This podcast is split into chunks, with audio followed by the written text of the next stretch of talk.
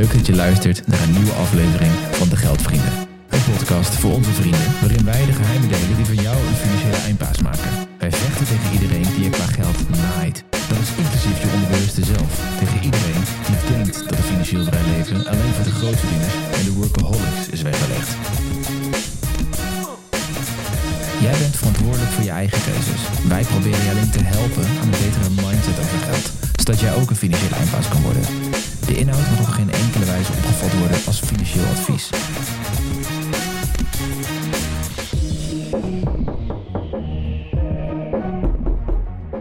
Huh? Huh? Je trapte erin. Het zijn je geldvrienden maar. Ja, ik trapte er ook in. Fuck. En de luisteraars, jullie ook, hè? Ik hoop het. Ja. Dat was namelijk erin, hè, luisteraar? Sukkel. Crazy realistic knock. Thijs heeft knopjes en dan, doet het net, dan is het net of je een klopje hoort. Leuk hè? Dacht je dat er iemand voor je deur stond? Helaas. Of de buren? Het zijn je geldvrienden. Helaas. Het is niet de buurvrouw die, eh, die, eh, die jou eventjes in haar nachtjaponnetje probeert eh, te lokken. Komt u even, even, mag ik even eh, wat suiker lenen, buurman? Zo leuk dat je buurvrouw nu 85 is. En, eh, Ja, hoe is het met jouw buurvrouw, eh, Thijs? ik denk heel goed. Ja? Ja. Ah, mooi. Ik zag het wel laatst op krukken lopen. Maar Oh. Met een brace onder de knie, maar volgens mij heel goed. Oh ja. Ja. Vind ik niet zo goed klinken eigenlijk. Nee, eigenlijk... dat is eigenlijk helemaal niet goed. Nee. Ja, aan de andere kant hebben we geen buurvrouw. Dus dan, dan is een hoekwoning en dan krijg je dat. Oh ja. Nee, maar dit is leuk hè. Gewoon eh, double dad. En dan eh, dubbel zoveel eh, dad jokes met...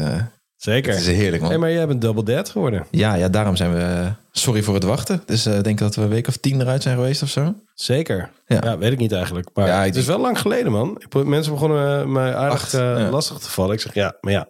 Thijs die vindt het nodig om poepluiers te verschonen en weet ik veel wat. In plaats van gewoon podcast maken, wat natuurlijk echt een hele domme beslissing is. Maar oké, oké, je bent er weer. Gelukkig. Ik ben er weer. En geen geldvrienden als Thijs er niet bij is. Want we gaan niet met één geldvriend praten. Dat is kut. Eh, op zich is het denk ik wel prima te doen. Nee, wil ik niet. Maar het is gewoon niet leuk om naar je eigen gezeik te luisteren. Nee, nee, nee. En ik denk ook dat niemand er blij van wordt om mij alleen... Niemand die je stopt, hè? Nee, niemand, niemand die me afremt dan. Dat wordt vreselijk. Nee, laten we dat niet doen.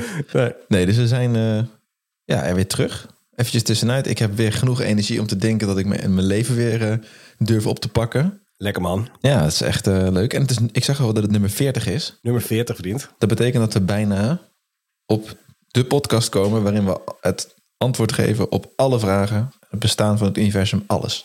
Ik dacht eigenlijk dat we dat al lang gedaan hadden, maar... Ja, Ja, ik denk dat je dat wat wij eh, preachen, dat dat, eh, dat het een soort, wel een soort van evangelisch is, dat geloof ik. maar het antwoord op alles weet, ik- weet ik niet. nee, zeker niet. Dat is ook maar een grapje. Nee, ik denk, het valt me juist op dat we, hoe meer je we- denkt te weten, hoe, meer je eigenlijk nog niet weet. En elke Ja. keer weer andere invalshoeken. En ja, we vertellen ergens steeds een beetje hetzelfde verhaal. Ja. Met andere woorden. Ja, nou, maar ook gewoon ook, ook wel met nieuwe inzichten erbij. En het, het, ja, het blijkt toch op een andere manier weer steeds, steeds opnieuw nuttig.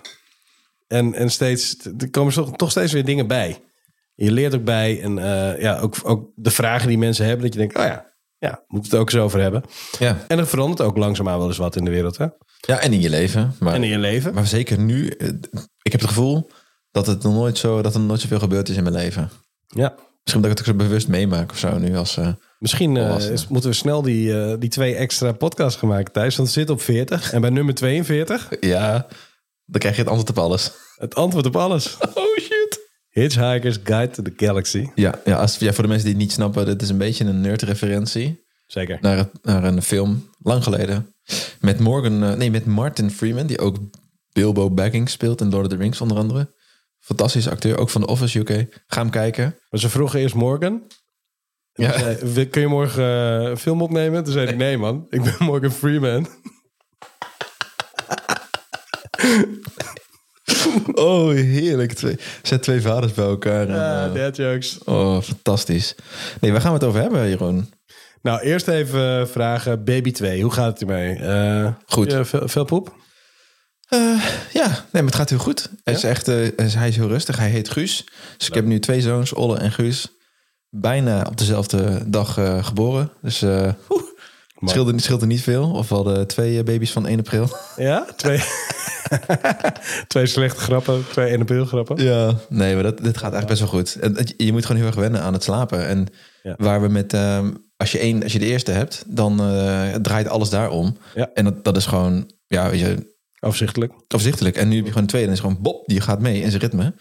En het enige nadeel is dat we nu eigenlijk slecht slapen door de eerste dan door de tweede. Omdat die eerste is dan vaak vroeg wakker, tussen vijf en zes. Ja. Ja, en dan liggen wij er net in na die nachtvoeding. En dan denk je, oh. Ja. en dat is, een, na een paar weken is dat een beetje killing. Je reserves waren al op. Ja. Ja, maar dat is echt het enige. Want eh, hij is fantastisch. Hij is echt eh, heerlijk. En ik had natuurlijk al lang een beleggingsrekening voor die jongen geopend. Dus hij heeft ook al aardig wat centen, centen gespaard. Lekker man. En heb je nog geneukt? Nee, niet- dat gebeurt niet zo heel veel. eh. Nee, ik ook niet trouwens ook. Oh, heerlijk. Hey, Thijs, ik heb mijn leven helemaal omgegooid man. Oh, vertel. In de tussentijd. Wat heb je gedaan? Ja, ik heb, ik heb eh, veel van mezelf nagedacht. Ja? En ik kwam erachter dat ik, dat ik lui ben en incompetent. En dat ik dat altijd al geweest ben. Dus ik heb alles omgegooid. Alles. En nu ben ik dus incompetent en lui.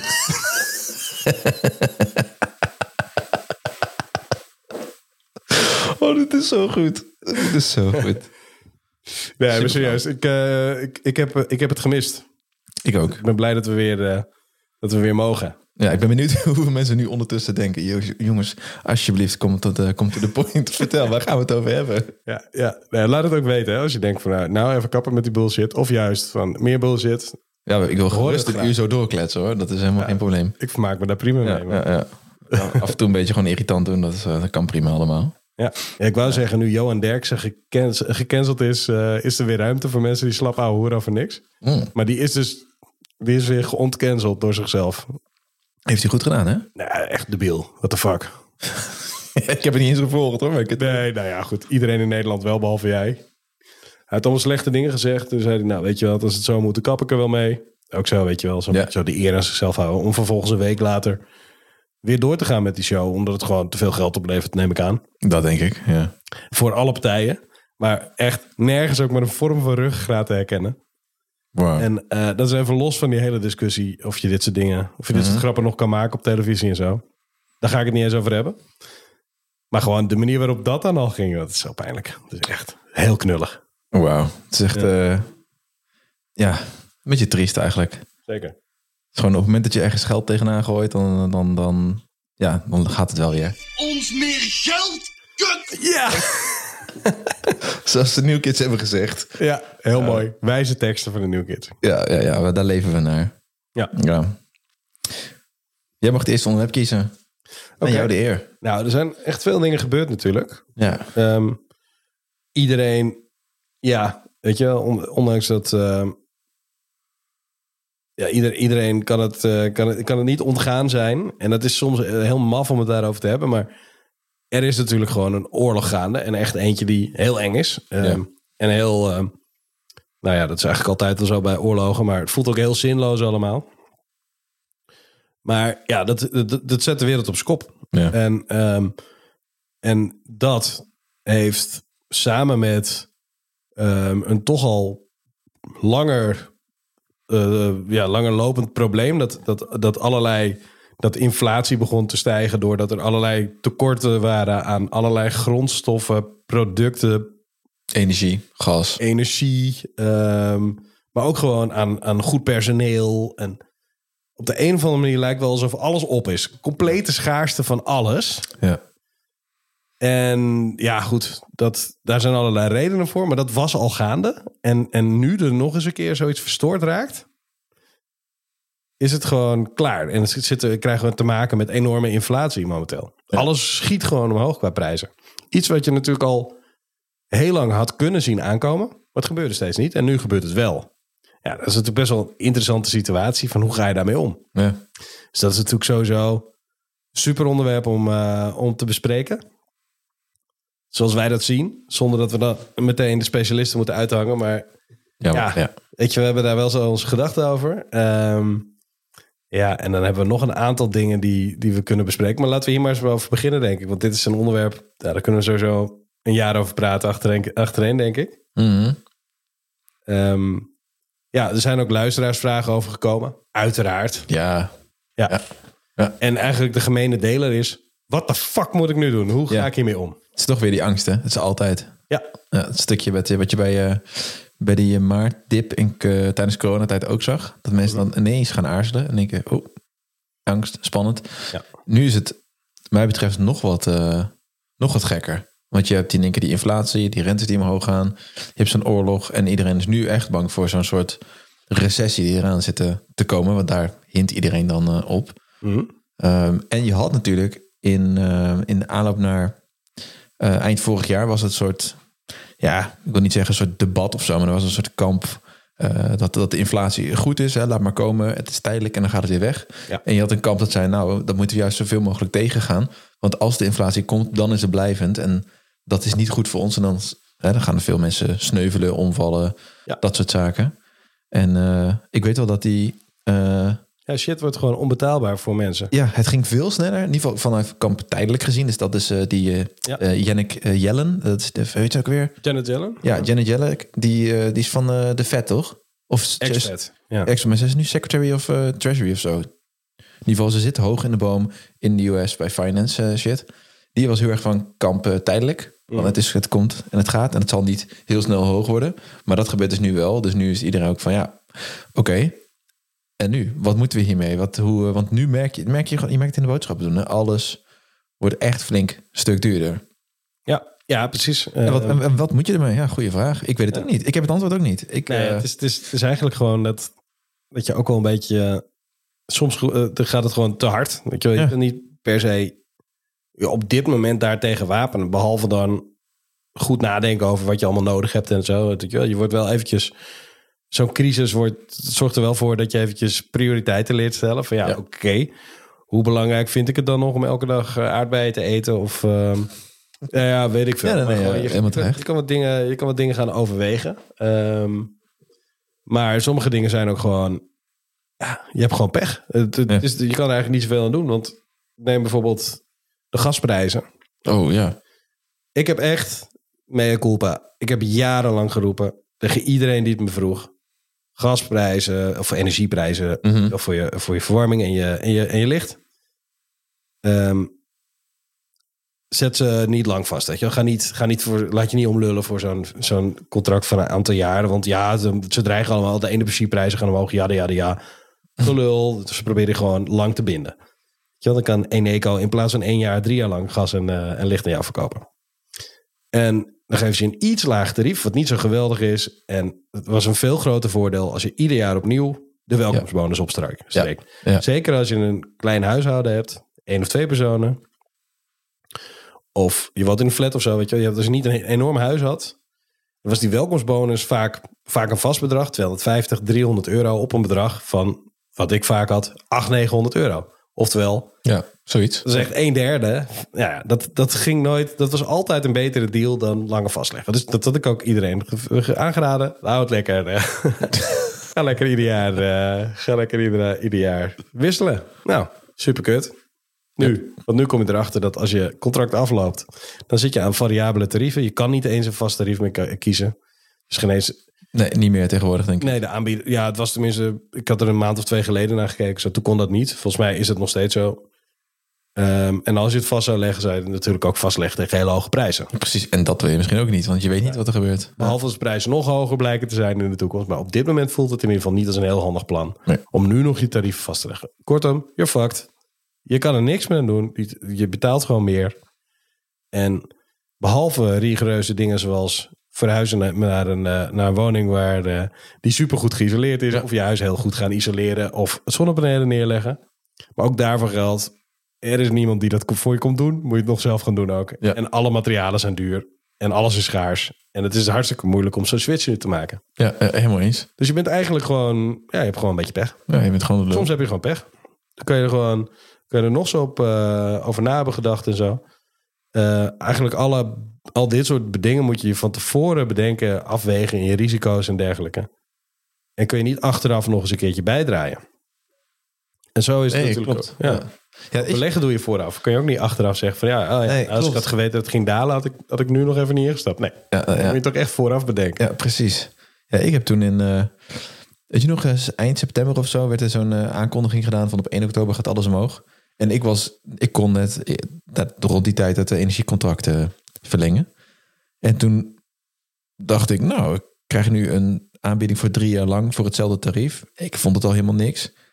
Ik zag het niet omhoog gaan. Ik denk, ah, joh, ik, ik zet het gewoon voor drie jaar vast. Dat was een collectief van de Consumentenbond van Green Choice of zo. Hmm. En dagen later waren de energieprijzen vier keer hoger. Gasprijzen drie keer hoger of zo. Niet normaal.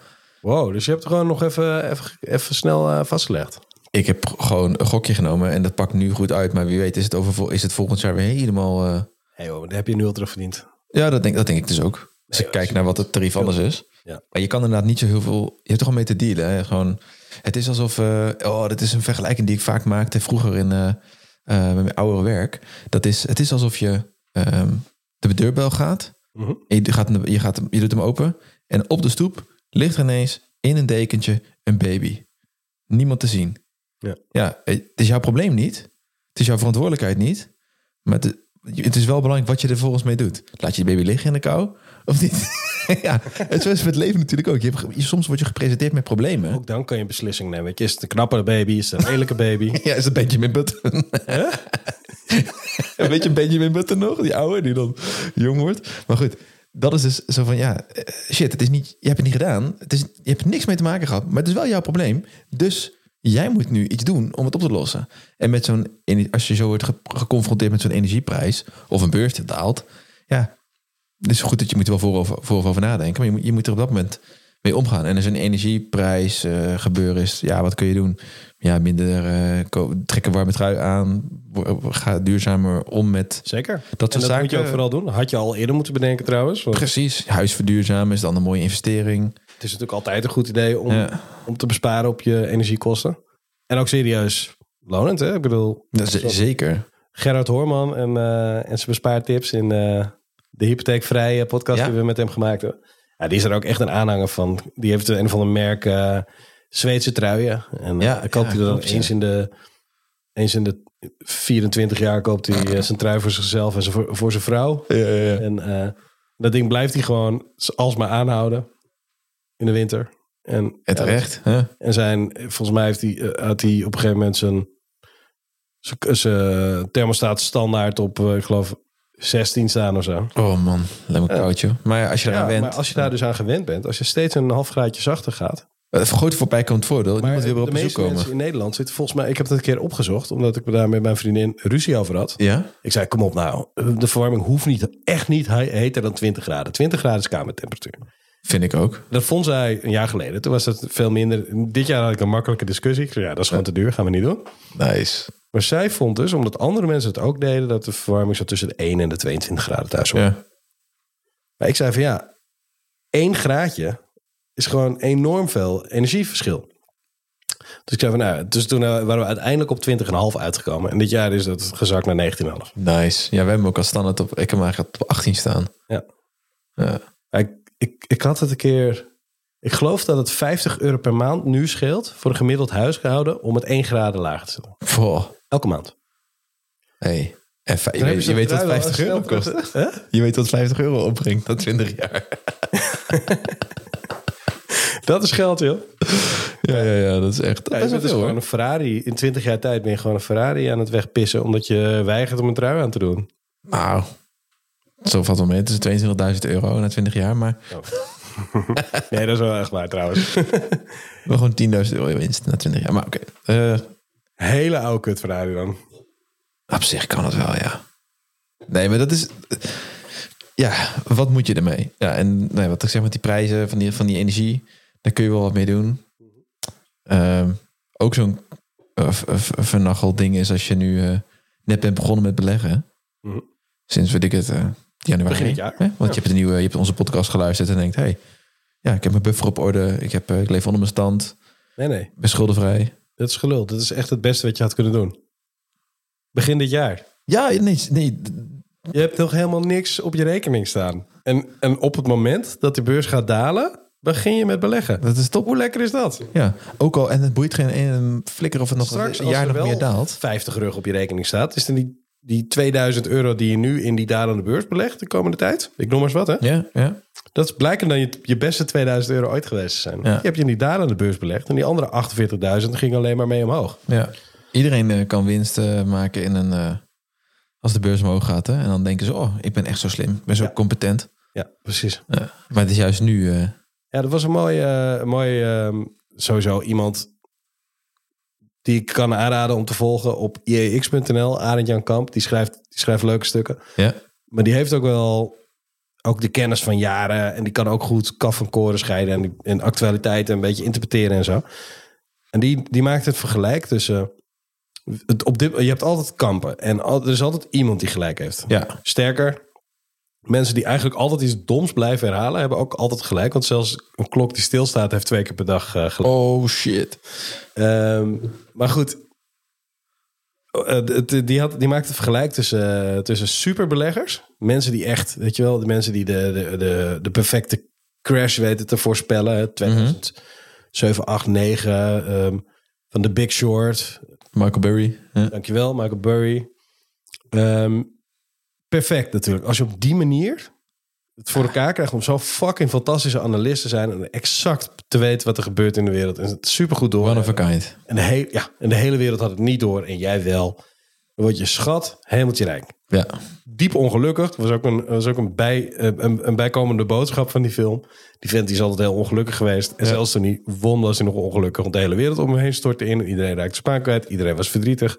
En hij kon niet echt heel erg le- leuk gaan staan pronken met zijn 60 miljard die hij verdiend had. Of weet ik veel wat. 15 of zo. Ja. Maar ja, Veel. nee, ik noem echt maar een willekeurig bedrag hoor. Maar Oké. Ehm, maar goed, Michael Burry is, is echt een held in wat hij doet. Maar ook heel moeilijk om Michael Burry te zijn. Ja, dus dat, en Michael Burry, even voor de duidelijkheid, wie het niet heeft, is vooral speculatie, short gaan op grote bedrijven. Dus echt op basis van analyse voorspellen dat iets dus Ja. de grond ingaat en daar geld te proberen te winnen. Dat is iets totaal anders dan wat wij doen. Ja, hij had zeg maar, hij had zeg maar een deal gesloten, een, een, een beveiliging, een verzekering afgesloten op, op het crashen van Van- obligaties op huizen. En obligaties op, op, op huis, op hypotheken.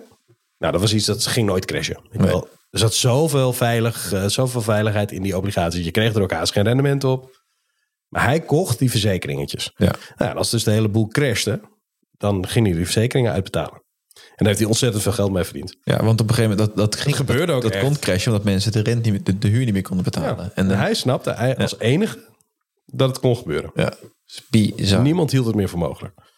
Ja, die, die zwarte zwanen goed ingeschat. Ja. Heel knap, maar ook vrij moeilijk. Ja. En je hebt ook mildere versies daarvan. Dat je mensen die gebruik maken van technische analyses om, om, om koersen te voorspellen. En je hebt ook echt handelaren die daar geld mee verdienen. Ja. Maar van de actieve handelaren verliest ongeveer rond de 95% geld.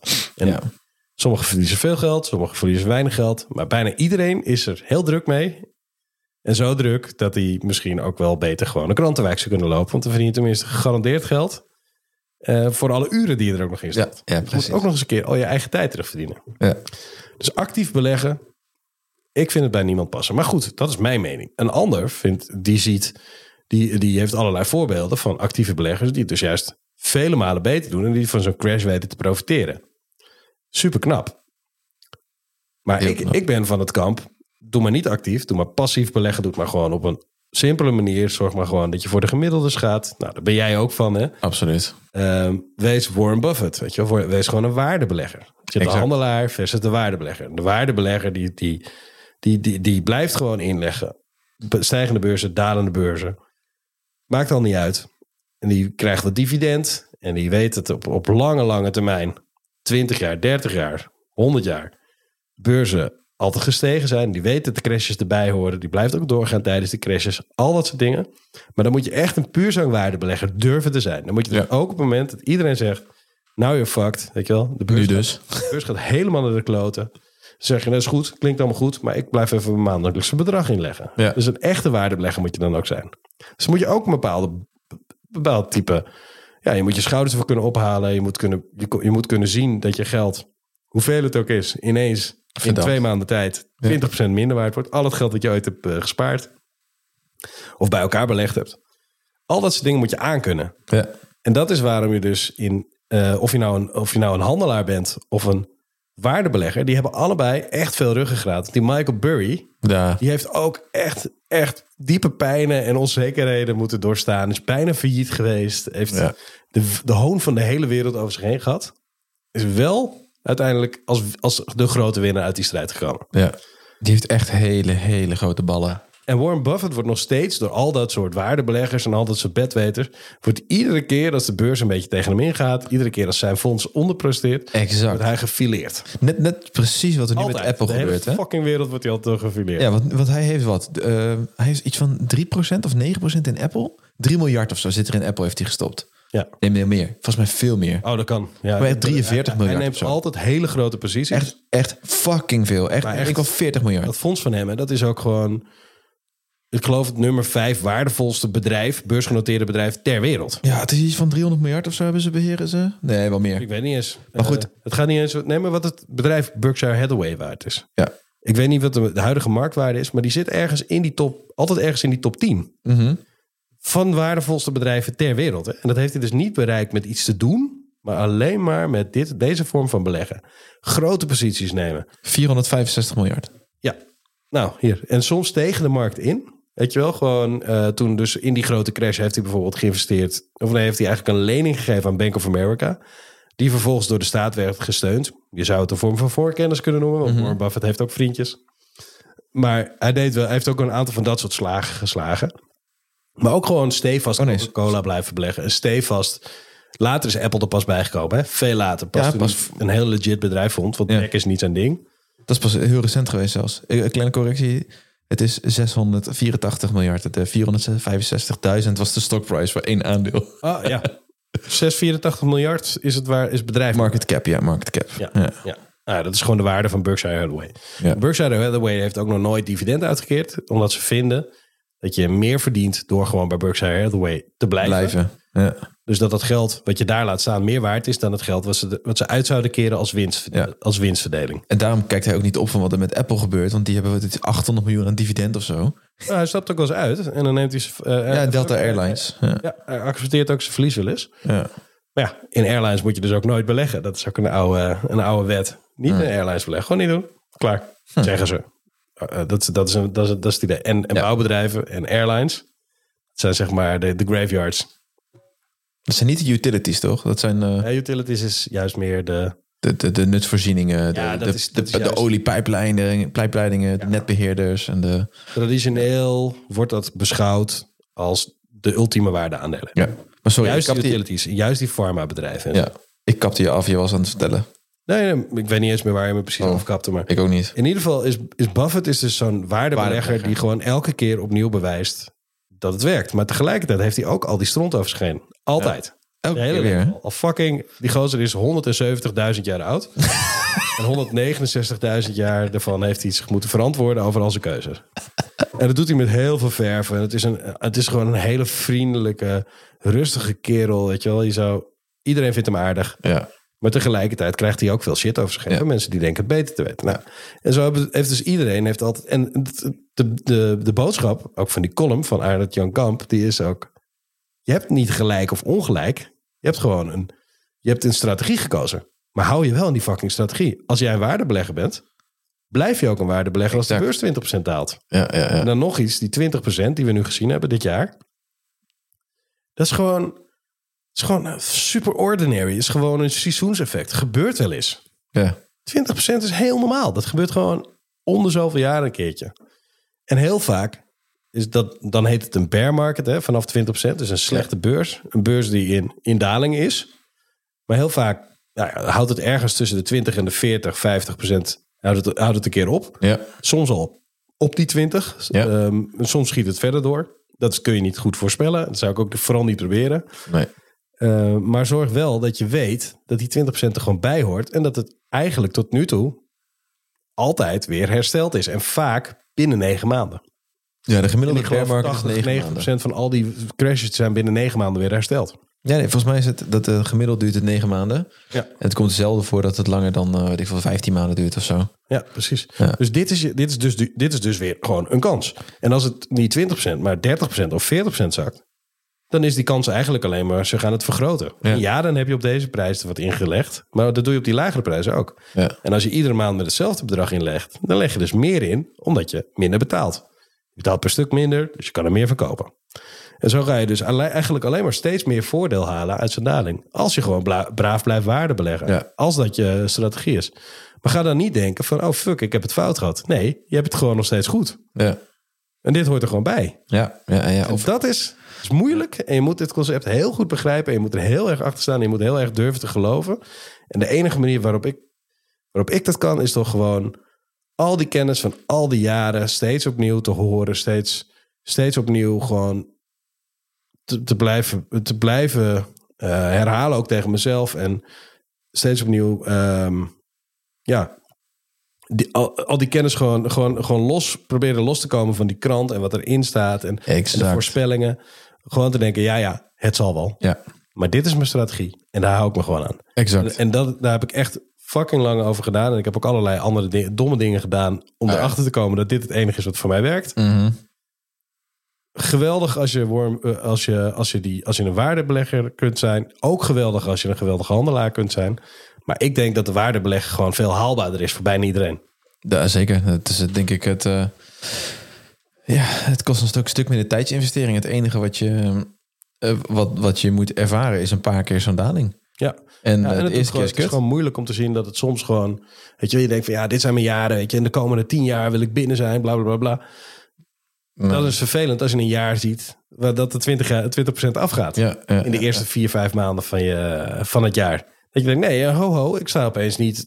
Ik ga opeens niet als een speer, Mhm. maar opeens loop ik achter. Maar dan, dan moet je je dus afvragen van... Ja, maar is het over tien jaar zo? Is dat over, merk je er over tien jaar überhaupt nog iets van? Is het misschien juist in je voordeel? Ja. En het is ook weer vervelend als het juist na negen jaar gebeurt. Negen van die tien jaar. Ja, ja, ja, 9 van de. 10 jaar, ja. En Maar ja, die, die dan moet je ook gewoon beseffen dat je er vorig jaar 30% bij hebt gehad. Ja, ja. Het is... eh, het is een, het is een mindgame, hè? Nou, je Maar bent vaak te veel ingezoomd. Je moet Precies. uitzoomen. Ja. Ja, verder van die... Als je zo'n grafiek kijkt op een hele grote afstand... denk ik, lekker. Ja, moet kijk, voor de grap eens doen met de grafiek van Amazon. oh, ja, of de Dow Jones, maakt niet uit. maar- Ja, maar, ja, zeker. Maar Amazon is, is nog veel erger. Want dat is natuurlijk ook maar één aandeel, hè, een single stock. En die hebben, die hebben, een, die hebben toch een bewegingen meegemaakt, jongen, in, in, in de loop der tijd. Meerdere keren randje failliet geweest. Echt gewoon 1 dollar gestaan. Of, of een halve dollar heeft het gestaan in het verleden. In de, bijvoorbeeld de dotcom crash. Het heeft... het- Maar het, en het heeft jarenlang was het een bedrijf wat Oh ja. wat zeg maar ja, het niet zou gaan redden. Want hè, hoe kun je daar geld mee verdienen? Er wordt maar geen winst gemaakt. Het enige wat het bedrijf doet is omzet verhogen. Maar winst wordt er maar niet gemaakt. Jaren tot ik denk 2010 of zo is het alleen maar verliezen of, eh, of eh, verliezen en, en geld investeren geweest Ja, ja. in Amazon. Ja, 2000, eh, tot, 2000, we zeggen tot 2008. En daarna is natuurlijk iedereen. En toen tot 2010. En dan vanaf daar is het echt Boom. mega. Echt van, van de koers van, laten we zeggen... 100, eh, 115 of zo in eh begin jaren, in, in januari 2010. Zitten we nu op eh nou, 7,57. Ja, maar In 2016. Het is vooral leuk om te zien wat voor dips daarin zitten. Er zijn dus meerdere keren geweest dat Amazon 80 of 90 procent gedaald is. Nou, nu hebben ze, gaan, zijn ze gegaan van eh, 3600 naar 2100. Precies. ja. En dan moet je nog... Ja, En dat, dan is, Och. wat was dan het moment waarop je het moest hebben? Want op 3600 was iedereen er super enthousiast over in de krant. En hoe enthousiast zijn ze nu in de krant over Amazon? verkopen. En als je gewoon even dit voor het eerst ziet en hoort. Wat denk je dan? Is dit een koop- of een verkoopmoment? Zeg je geen van beide? Ik heb geen idee. Nee, Nee, ik heb geen idee. Nee, ik zit, ik zit oprecht, oprecht te denken. Ik zou het echt niet weten, want ik zou het allemaal willen hebben. maar ik, ik, vind het, ik vind het dus niet... Ik weet het ook niet precies. Maar Nee. het is in ieder geval eerder, een- eerder een koopmoment... dan dat het op 3600 was. Alleen op dat moment raken mensen zekerder en zekerder en zekerder van zichzelf. Ja, dat is Compleet die onzin illusion, is. toch? En dat is ook gewoon... Dat is gewoon de illusie. Wat, dat is gewoon wat je... Wat je, Ja. je, je wordt gewoon bijziend. Je gaat gewoon... eh, je denkt, oh, eh, mooi, mooi stijgend lijntje van de laatste weken. Dit kan alleen maar omhoog gaan. Dit gaat goed, lekker. Ik, ik profiteer nog even mee. Pakken, Ja. pakken, pakken. En dan ineens krijg je hem om je oren. En dan moet je dus blijven zitten. En dat is wat de mannen scheidt van de jongens en de vrouwen van de meisjes. Ja, En dan worden de weak hands worden geflushed. Ja zoiets. Ja. En dan zeggen ze, buy when there's blood on the streets. Maar dit is dan nog een single stock, weet je wel. Dan moet je over Amazon moet je ook nog een mening vormen. En, en ook echt, en dat is wel lastig zat, want die prijs die er staat is blijkbaar de mening van de markt. Alsof jij dat als individu kan. Alsof je dat kan, inderdaad. niet eens willen, joh. Eh, dus dat zou ik je ook niet aanrijden. Ik eh, ga gewoon voor de brede markt. Ook dat is natuurlijk wat waardebeleggers doen. Op Buffett trouwens na, want die maakt wel stockpicks. Eh, Ja, die heeft telkens met 10 of 12, hè? ja, ja, ja, maar, maar goed, ehm, voor de, de gewoon amateurbeleggers, zoals wij allemaal zijn. Ja, maar zie je beleggers. eh, ETF's. Gewoon brede markt. Volg die shit.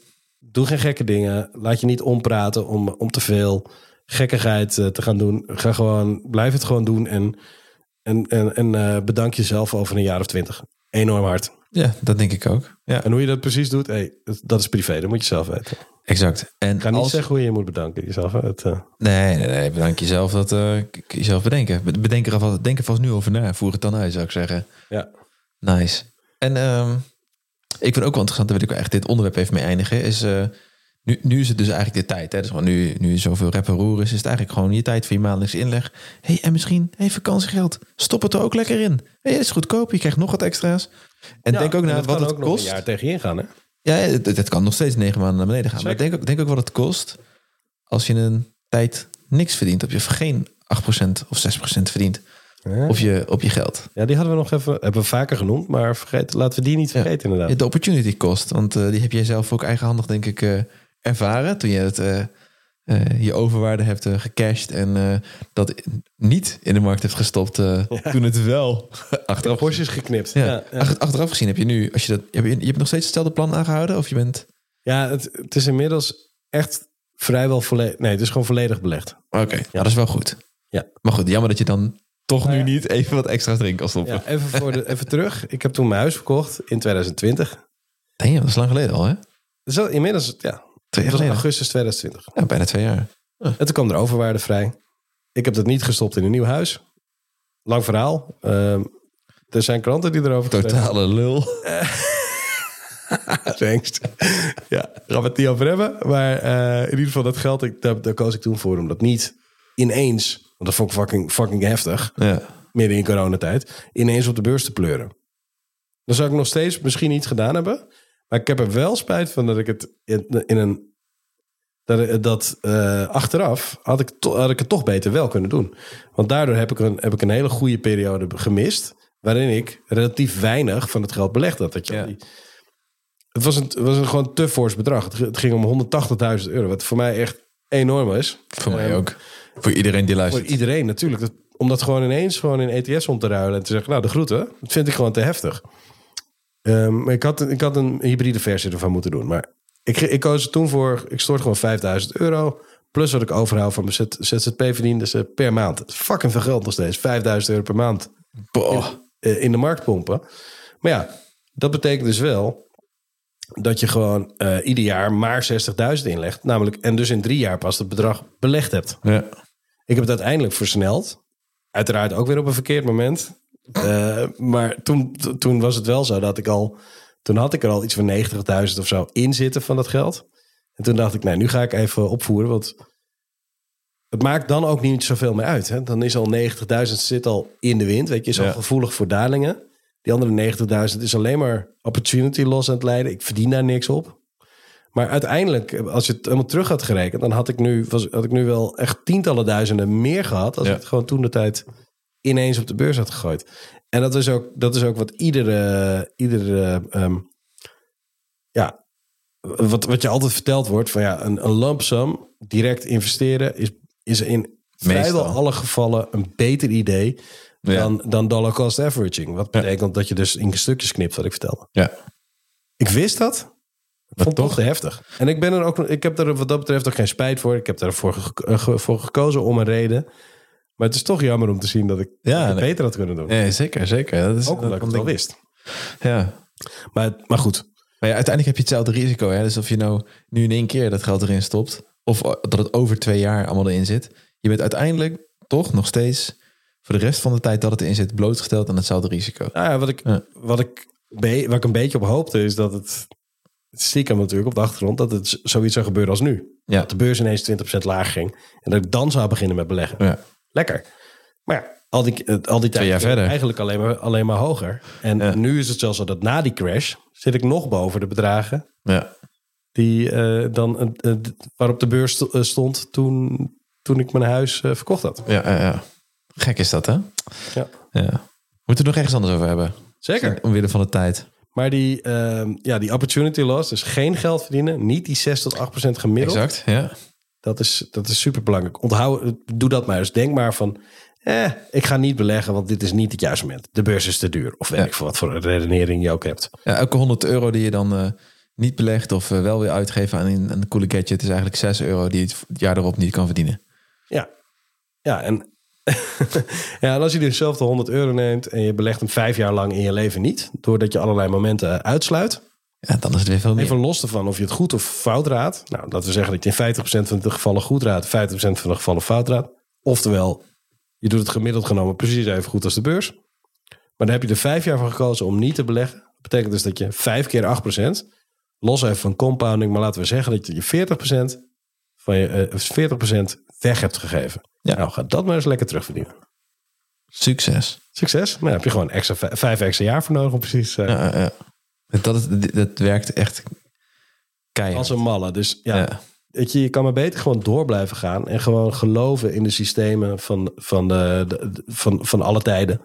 Ehm, geloven dat geld aan het ontwaarden is, eh, waardoor aandelen altijd wel wat duurder blijven. Geloven dat bedrijven er zijn om geld te verdienen en dus ook over het algemeen geld voor jou verdienen als Ja. jij erin belegd zit. Al dat soort wijsheden en, eh, en ook gewoon simpele statistiek. Weet je, wel. 6 tot 8 procent is gewoon het gemiddelde over, eh, over, over honderden jaren. Ja. Super nice. Super nice. En die geef je dus op als je niks doet. Ja. Dus gewoon doen. En blijven zitten. Geen gekke, geen gekke frats uithalen. Nee. Ja. Lekker man. Volgende onderwerp, eindelijk. Ja, en dat is huizen. Ja, lijkt me een mooi, eh, lijkt me een mooi voorbeeldje. Ja. Gaat natuurlijk ook alle kanten op nu. Oh, zeker. Ja, en voor degenen die niet weten, wij zijn nu eh, wat actiever op zoek in, in regio eh, Arnhem, dus regio Veluwe.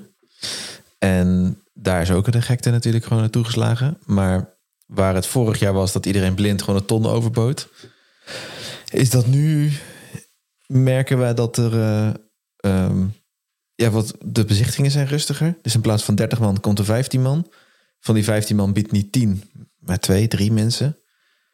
Maar degene die dan nog bieden zijn nog steeds soort van bang. Dus vaak wordt er echt nog wel met geld gesmeten. Zit nog FOMO in die huis. zit nog wel echt FOMO in die huizen, huizenmarkten. Eh, En ook misschien wel veel mensen die al twee jaar lang misgrijpen. dat, dat denk ik dus ook. Dus als jij nu al tien keer geboden hebt op een huis... en op een gegeven moment gewoon concessies doet... dan maar een kleinere tuin of ik wil gewoon nu weg. Ik, we groeien eruit. En allemaal allerlei redenen die je kunt bedenken uiteraard. Dan kan het zijn dat je denkt, ja fuck it, ik heb die overwaarde... of ik heb het geld, ik moet dit huis gewoon hebben. Dat die op soort van... ja, op, eh, alsnog denken... ik, ik gooi hem de... Ik, een, knockout bot, zoals ze dat dan noemen. Eh, Ik, ik weet niet, ik, zie het wel, ik vind het wel eh, wat rustiger. Ik heb laatst een, eh, of eigenlijk nu, heb ik gevraagd voor een bezichtiging van een, voor een huis. En de makelaar die zei van, die, dat huis stond er al tien dagen op of zo. Zei, ja, er is nog plek. Ik wow, dat was echt vorig jaar niet mogelijk. Dat was, dat was het reageren op de dag dat het op Funda kwam. En dan belde je om half tien die makelaar, of negen uur. En dan was het, nee, ik kan je op de wachtlijst zetten. En dan vijf dagen later, bam, verkocht met eh nou, je vraagprijs van vijf ton. En dan was verkocht voor zes en een half. Ja, sick hè? En dat is echt, dan heb je gewoon tussenwoningen. Ja, dat was laatst. In Arnhem. Krant was er nog steeds hè? In Amsterdam. Oh ja, Amsterdam. Een woning van een miljoen. Vier ton. ton overgeboden. Ja. Dan ben je ook echt ontzettend wanhopig.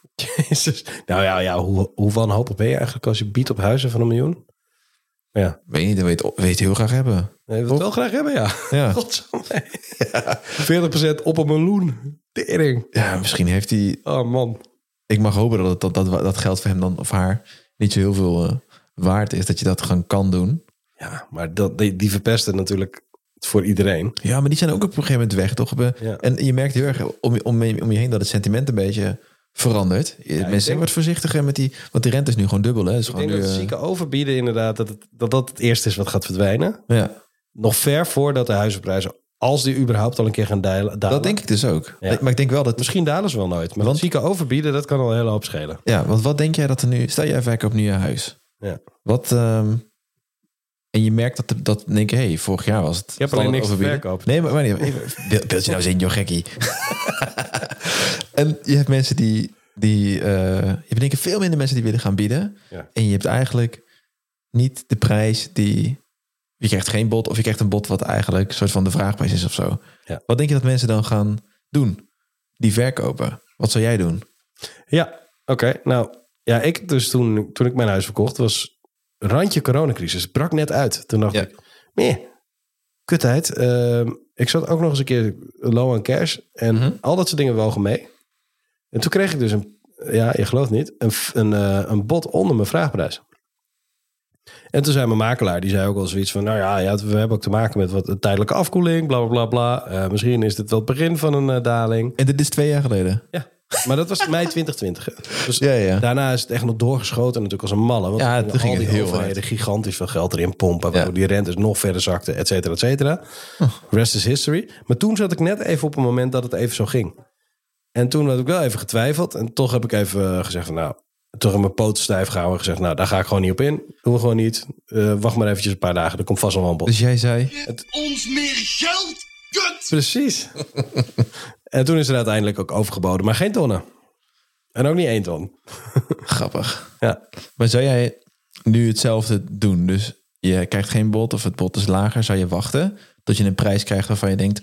Of wat ik denk dat er gebeurt... En ik denk dat, dat, dat ik dat zie in de markt... Is dat mensen de vraagprijs al omhoog zetten. Dat denk ik. Want in, in, in de regio waar wij zoeken was de, de vraagprijs was vaak Ja. rond de 4000 euro. En nu zie je vraagprijs al rond de 5000 euro. Ja. En dan, ja, dat gaat dan al op 50.000 euro als je een woning hebt van 100 vierkante meter bijvoorbeeld. Dus dat gaat best wel hard. Dus ik vond die woning al vrij duur. Ja, nee, maar natuurlijk worden vraagprijzen gewoon aangepast. Want de buren verkopen allemaal met overwaarde. Denk ik, nou, ze gaan toch overbieden. Laten we eerst maar eens, laten we meteen al beginnen met 30 ruggen meer vragen of 50 ruggen meer. Ja, het is echt En heel dan gek. komt het overbod er ook nog overheen. Lekker man. Ja. Je gaat het gewoon proberen. Tuurlijk. Dat heeft gewoon een prijsopdrijvend effect. Ja, ik ben, dus, ik ben heel benieuwd hoe dat mechanisme gaat. Omdat die, Dus, maar die, die daling, dalende hui- huizenprijs, daarom ben ik daar zo voorzichtig mee. Die, die komen dus bijna nooit voor. Hè? Die hebben we toevallig in onze generatie, zeg maar, hebben we dat één keer mee mogen ja, maken. Ja. En, maar daarvoor was het al sinds de jaren 80 niet voorgekomen. Oh, grappig. Ik dacht dat die in de jaren 90 ook één keer naar beneden zakte. Misschien. Kan ook hoor. Maar in mijn in hoofd niet- dat in de jaren 80. En toen Ja, stond, maar toen stond de hypotheekrente ook op 12% Exact. Ja. Maar wat nou als dat nu ook gebeurt?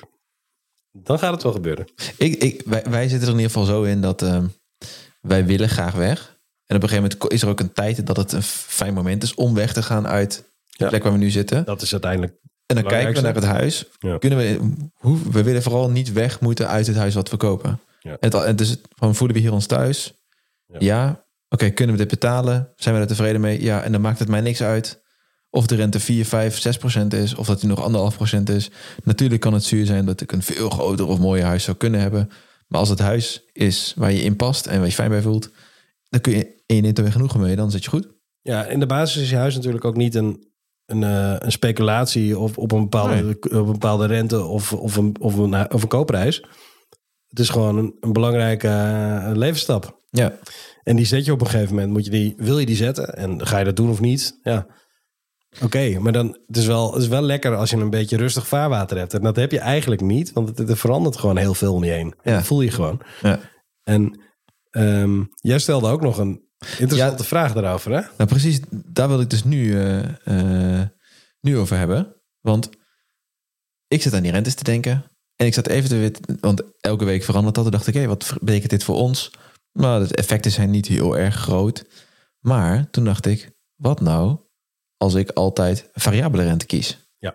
Maar dan kom je weer in het, in, in het gebied waarin je soort van gaat speculeren. Ja. Dus wat jij net aanstipte vind ik eigenlijk wel mooi. Want dat laat, eh, eh, daardoor besef ik dat ik niet variabele rente wil hebben eigenlijk. Want dan ga ik weer iets, ga ik soort van speculeren op iets waar ik gewoon, wat me sowieso in mijn hoofd gewoon geld kost. En gewoon, dat, moet, dat is geen investering voor mij. Dat is gewoon comfort Ja.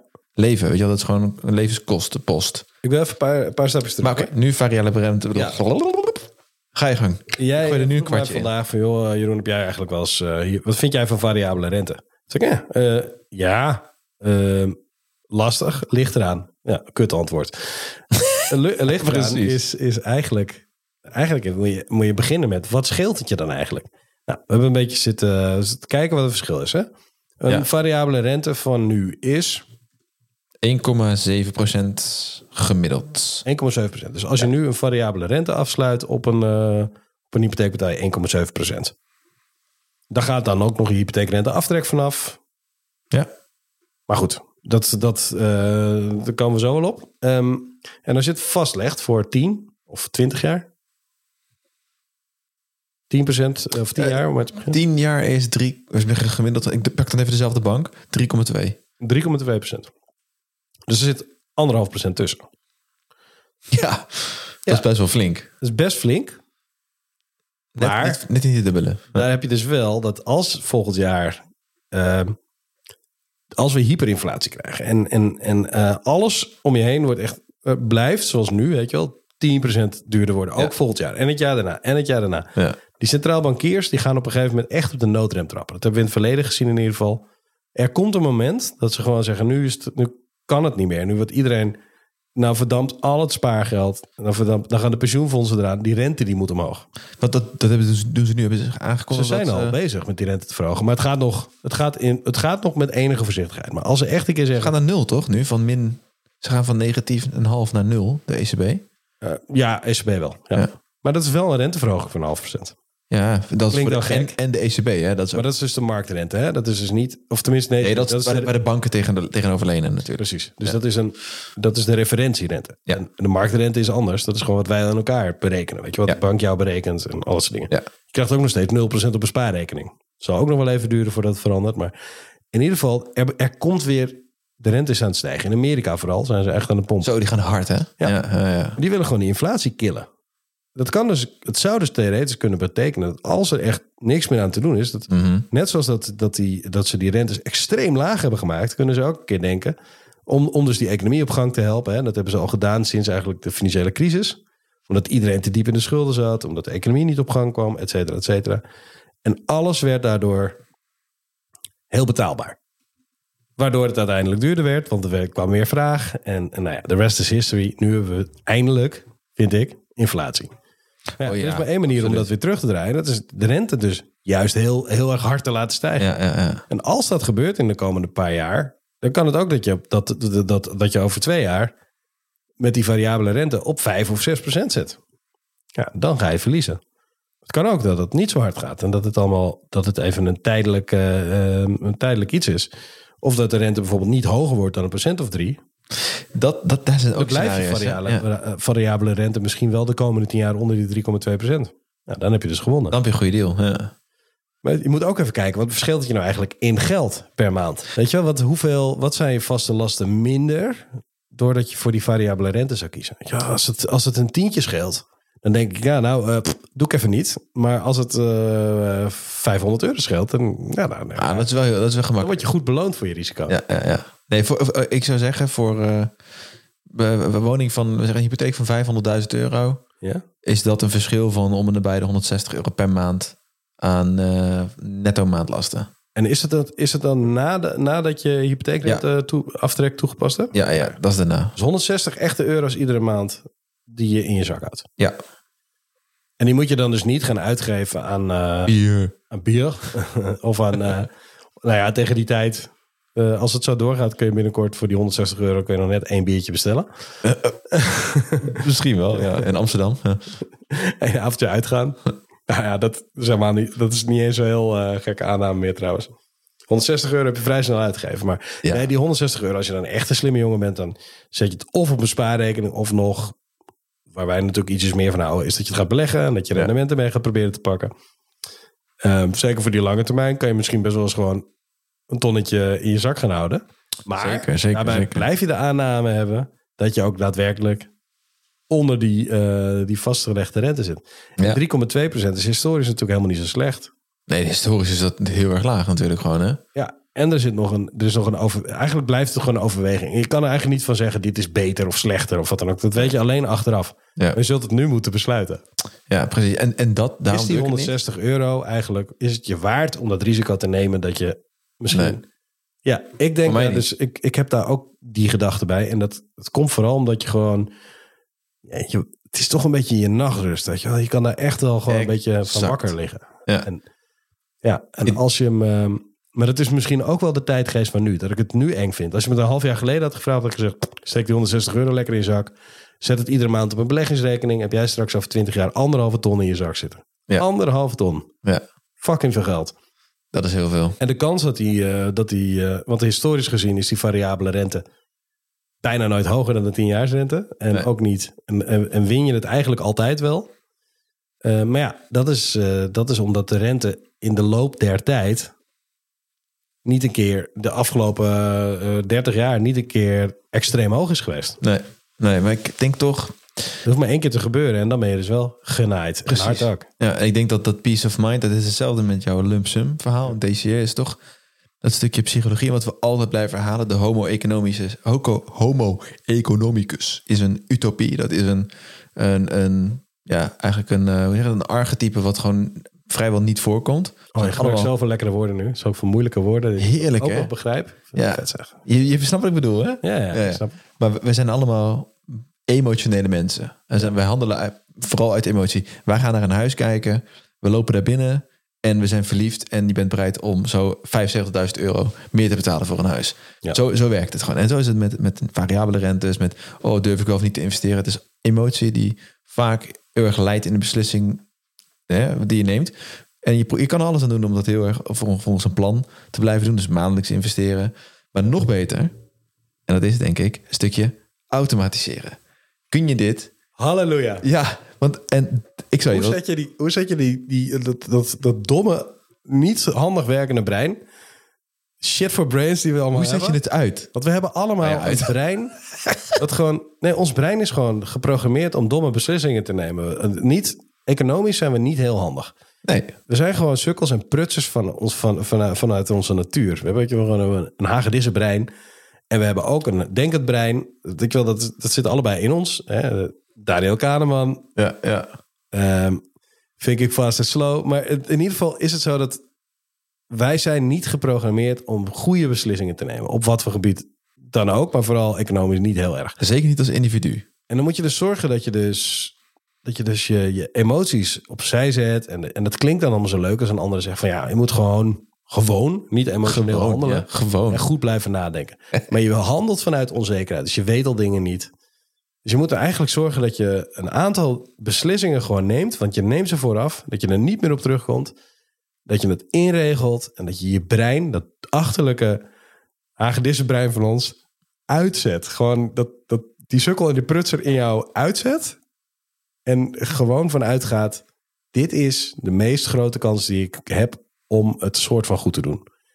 En dus alles gewoon automatiseren. Maar hoe ga je dat doen? Hoe, ga je, hoe, hoe automatiseer je je hele financiële leven? Hele goede vraag. Ik denk dat er eh, veel mogelijk is al door eh, eh, bij losse, bij, gewoon bij je bank, de meeste grootbanken, kun je automatisch geld naar spaarpotjes stoppen. Ja. En je kunt bij, je kan automatische overboeking instellingen instellen naar je broker. Je hebt zelfs brokers, Brand New Day, Meesman, Fitvermogen, waarin je automatisch incassos kunt laten doen. Maar dat zijn toch allemaal eh, losse handelingen. Je hebt ook, als je ZZP'er bent, kun je automatisch de BTW eh, afschrijven. Je hebt allemaal zaken die je eigenlijk zou willen automatiseren. Ja. Sparen voor je vakantie, sparen voor je jaarruimte, als je die hebt. Sparen voor eh, cadeautjes voor je, die, die er gaan komen van je neefjes en nichtjes. Allerlei zaken, een trouwerij. En Je hebt allemaal potjes dus in je hoofd. ja, je hebt allemaal potjes in je hoofd. We hebben allemaal eigenlijk een soort budget. Hè? Allemaal Ja. categorietjes waar je geld in wil Als je stoppen. gouden regels van de, van de vrienden toepast. Hè? Geld overhouden. Exact. vervolgens je, je buffer opbouwen. eh, je, je schulden aflossen. Exact. En dan met, de, met het overschot wat je dan nog hebt. Omdat je zo goed bent in geld overhouden. Want daar begint het natuurlijk. Ja. Ook nog gaan beleggen. En eigenlijk wil je dat allemaal automatiseren. Zorgen dat je nog geen verrassingen hebt voor dingen die geen verrassingen horen te zijn. Want vakantie, dat ga je gewoon wel eens doen. En je auto gaat wel een stuk. En je hebt wel eens een nieuwe auto nodig. En je hebt wel eens een nieuwe fiets nodig. En je weet dat je Dat je een keer je huis moet onderhouden, et cetera. Ja. Je hebt al die potjes, die zou je dus eigenlijk allemaal geautomatiseerd Ja. kunnen vullen. Een keer goed over nadenken hoe, hoe dat eruit moet zien. Dat gaan automatiseren. Maar hoe doe je dat slim? Nou, Ja. Dat Vooral is natuurlijk waar... Hoe doe je dat slim? Is het vooral? Want je, het kan tegenwoordig echt wel. Ja, Met al die listen, maar dat is het absoluut niet slimmer. Dat is fucking veel werk en dat kan echt slimmer. ja. ja, en daarom werken wij hieraan. En wij gaan, wij gaan de komende, eh, in, in de komende afleveringen gaan we er naartoe. Ja. Dus als jij blijft luisteren, dan kom jij tot een soort flow, geldvriendenstijl.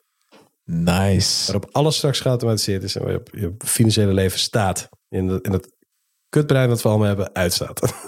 Super nice. Super nice. En ik denk dat dat een hele mooi moment is om te zeggen bedankt voor het luisteren. Eh, ja, stay tuned for more. Hè? In de, omdat we een Engelse podcast zijn of zo. yes! En eh, info at geldvrienden.nl voor je, al je vragen. Eh, schrijf je ook in voor die nieuwsbrief. Die komt vast binnenkort ook alweer. Ik heb hier wat meer energie en meer tijd. Jeroen, ik vond het fucking fijn om weer te zijn. Lekker te kletsen over geld. Als ik een huis heb gekocht, dan ben je de eerste die het weet. Thanks man. Tot snel.